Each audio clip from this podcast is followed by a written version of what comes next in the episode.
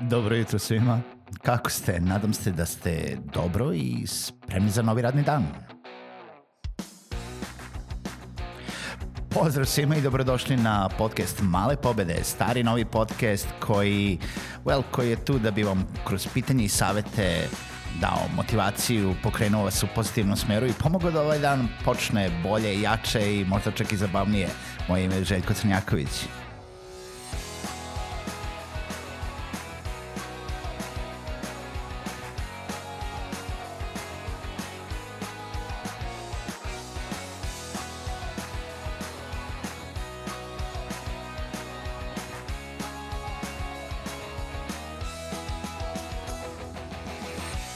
Pozdrav svima i dobrodošli u još jednu epizodu podcasta Male pobede. Moje ime je Željko Crnjaković, a vama, dragi slušalci, želim da se zahvalim što ste i sa ovom epizodom podcasta Male pobede.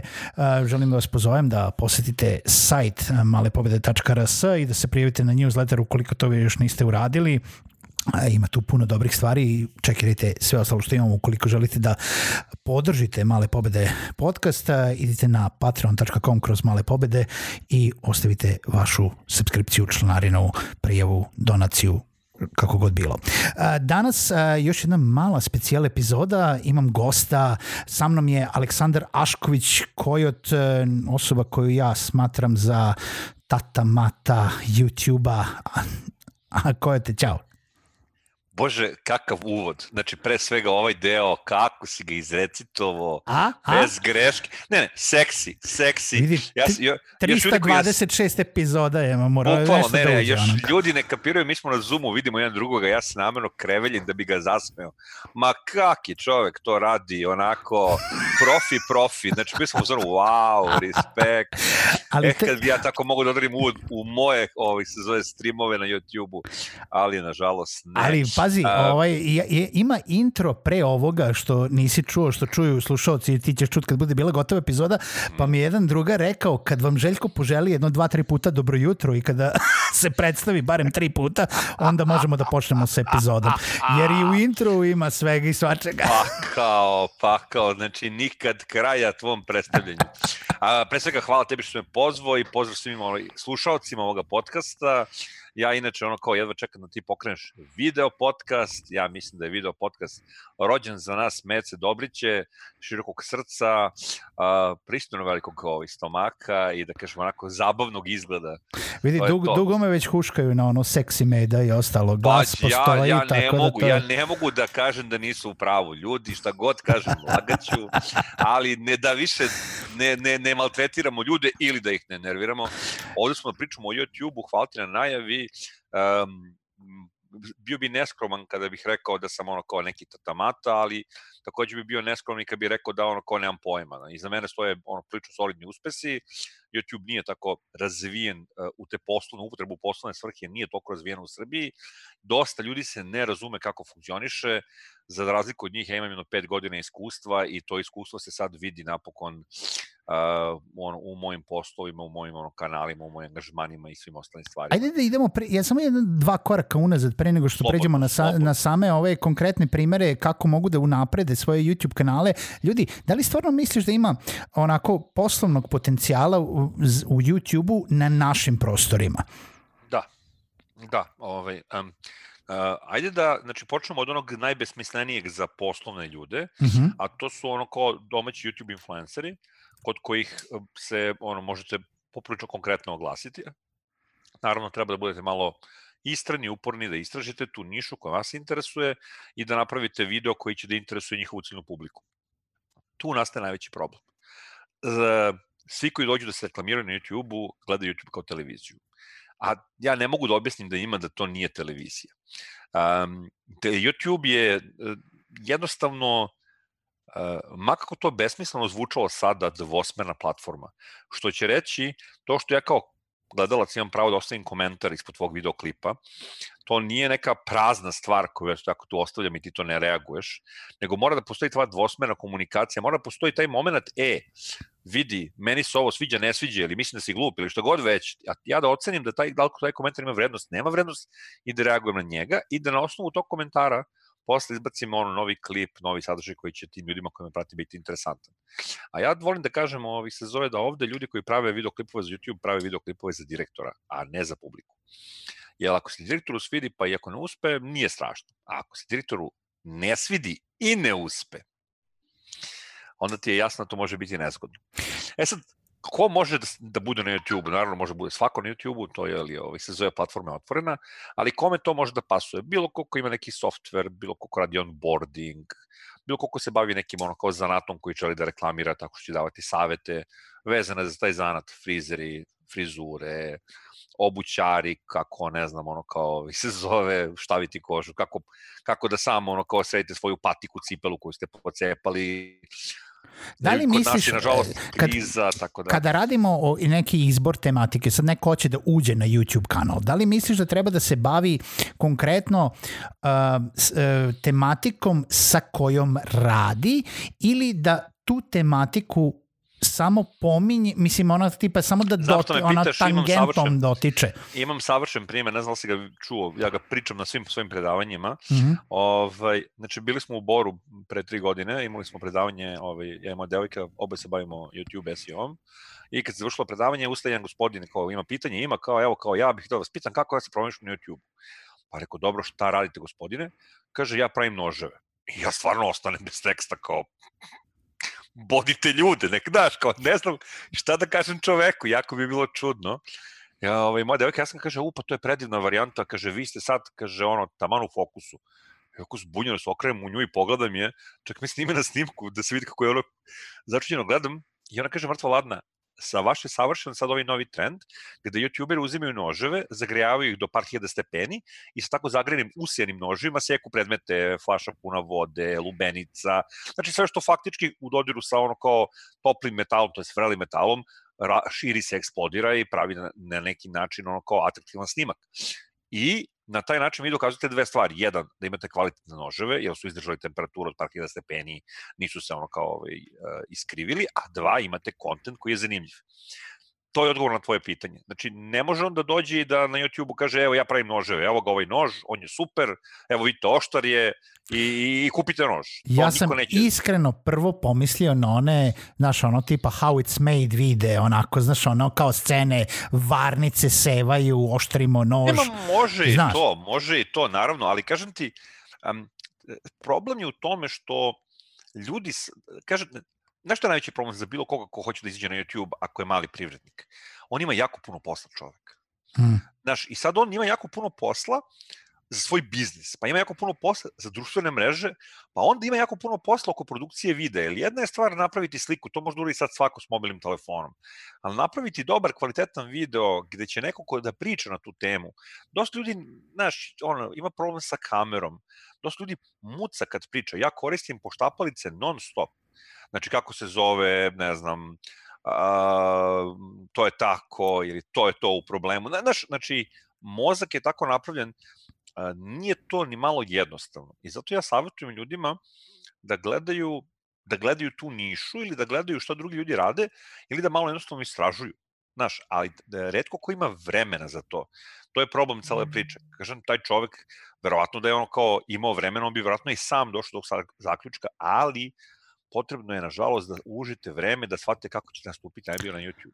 Ali da li je možda, recimo, evo sad baš ovaj primer koji si navio je dobar za, za diskusiju, da li misliš da bi taj čovek koji je verovatno sad nije nešto posebno mlad, nije klinec, ono tipa već dugi niz nije, godina... Nije bio tipa 35, tako. 35. Mislim, da li bi njemu palo na pamet tipa da pravi vide sa kojim će zagrejavati noževe i seći nikad. nikad. nikad. I da li mi, mislim, da li možda misliš da je recimo problem uh, to da uh, gomila ljudi, u, ako pričamo o privrednicima, o biznisima, ne mogu da možda smisle e, da je atraktivan video recimo za publiku nešto što je njima izgleda detinjasto ili izgleda kao zebancija ili izgleda nešto kao nešto što nije ovo predstavljanje mog posla, ali zapravo yes, to je ono što yes. se gleda zapravo si u pravu. Zapravo to se opet nadovezuje na moju početnu priču, ono, malo veće kompanije koje imaju marketing menadžere, one uvijek imaju problem kako da naprave video koji će biti interesantan publici, a da je u isto vreme management ili ti gaz da bude zadovoljan i da ne pomisli da je bacio pare.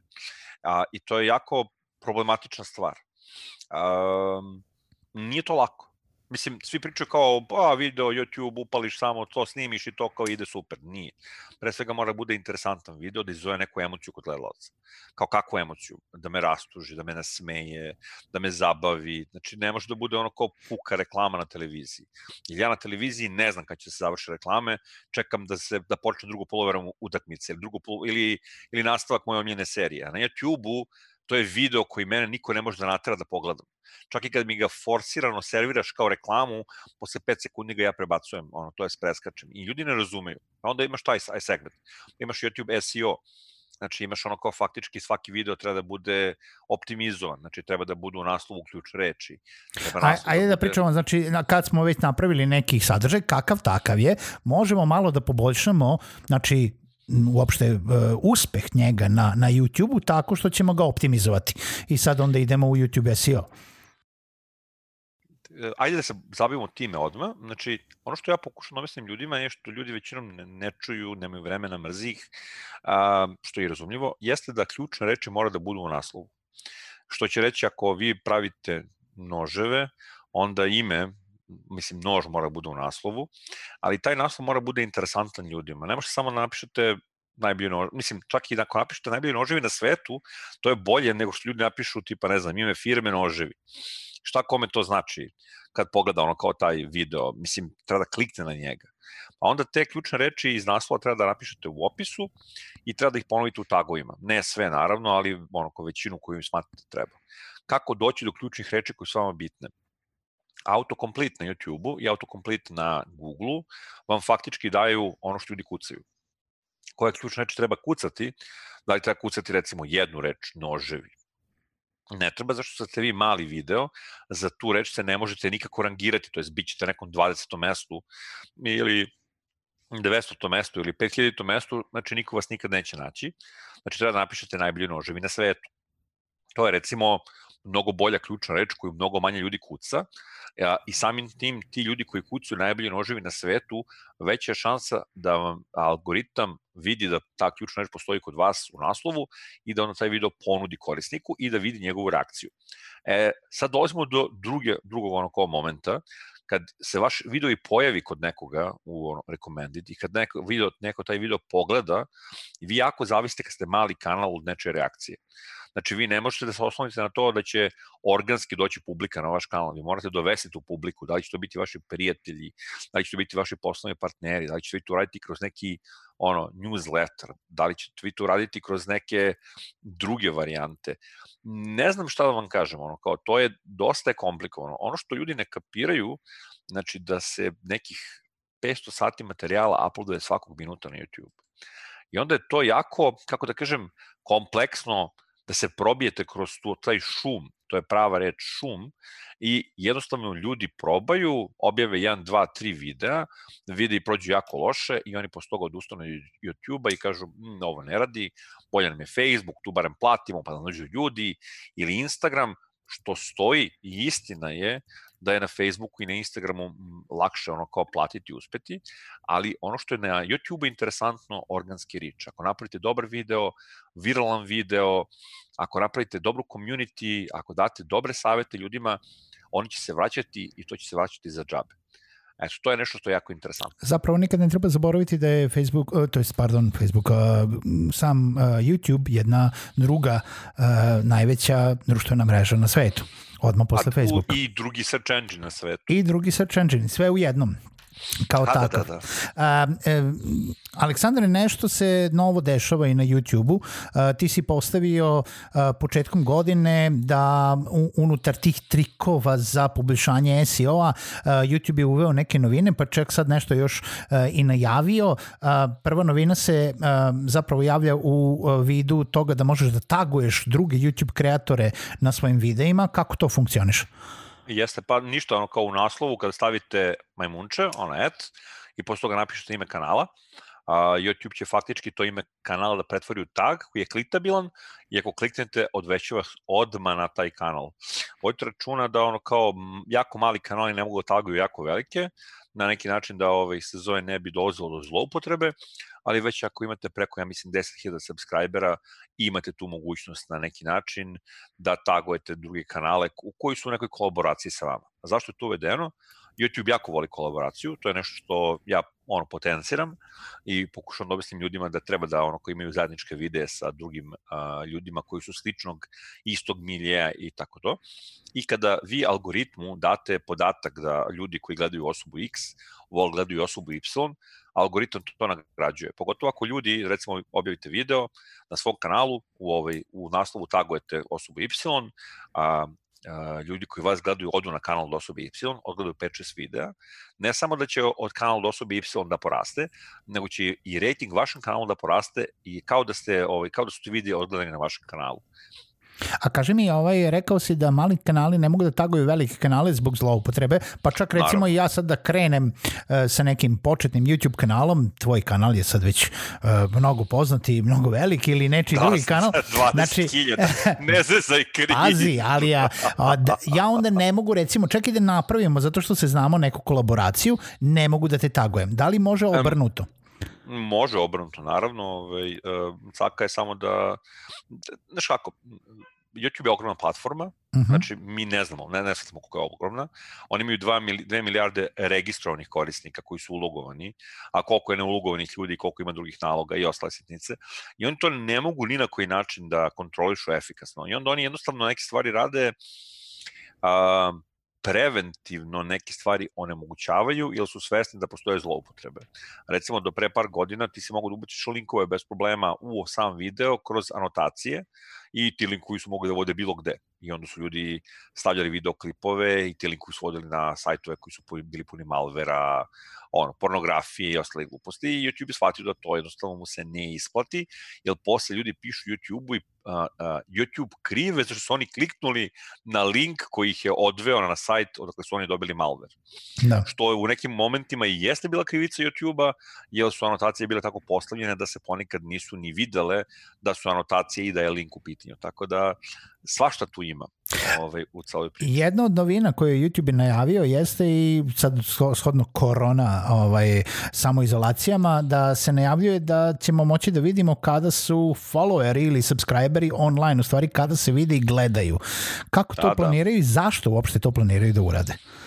A, um, YouTube algoritam ima jednu jedinu svrhu, da što duže uh, korisnik gleda tvoje videoklipove. I na osnovu toga on faktički cijela strategija je zasnovana na osnovu toga.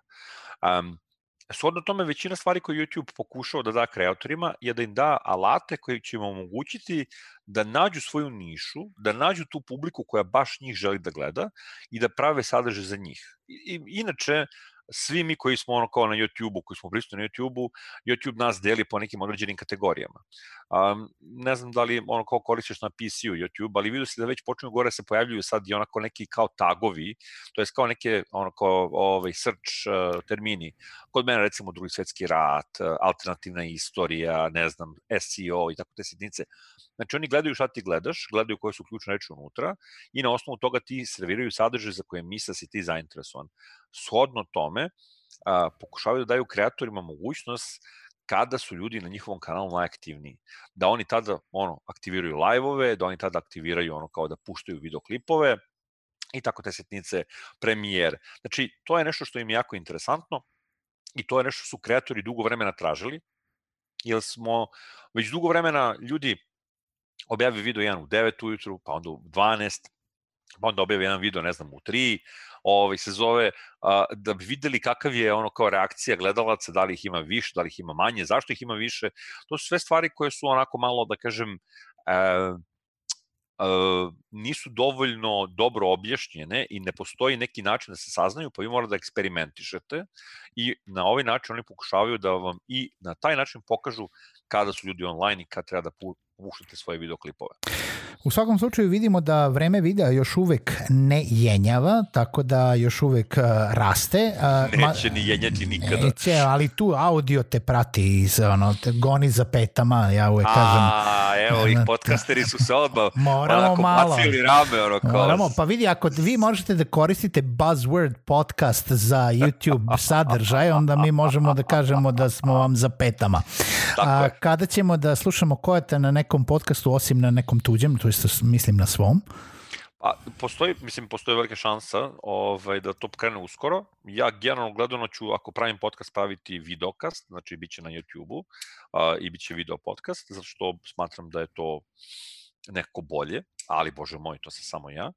Ovaj, mislim da su ono, sami podcasti u audio formi jako interesantni i da, ih, da je to što ih možete slušati u kolima ili u autobusu po meni jako dobra stvar, pogotovo dobre podcaste. Uh, ali mislim da meni više pri, pristaje video zbog mimike, zbog nekog ludila, zbog toga što sam ja jednostavno kojot i ono kao mislim da ljudi će i želiti da vide ko je taj ovi, se zove simpatični buca što lupeta.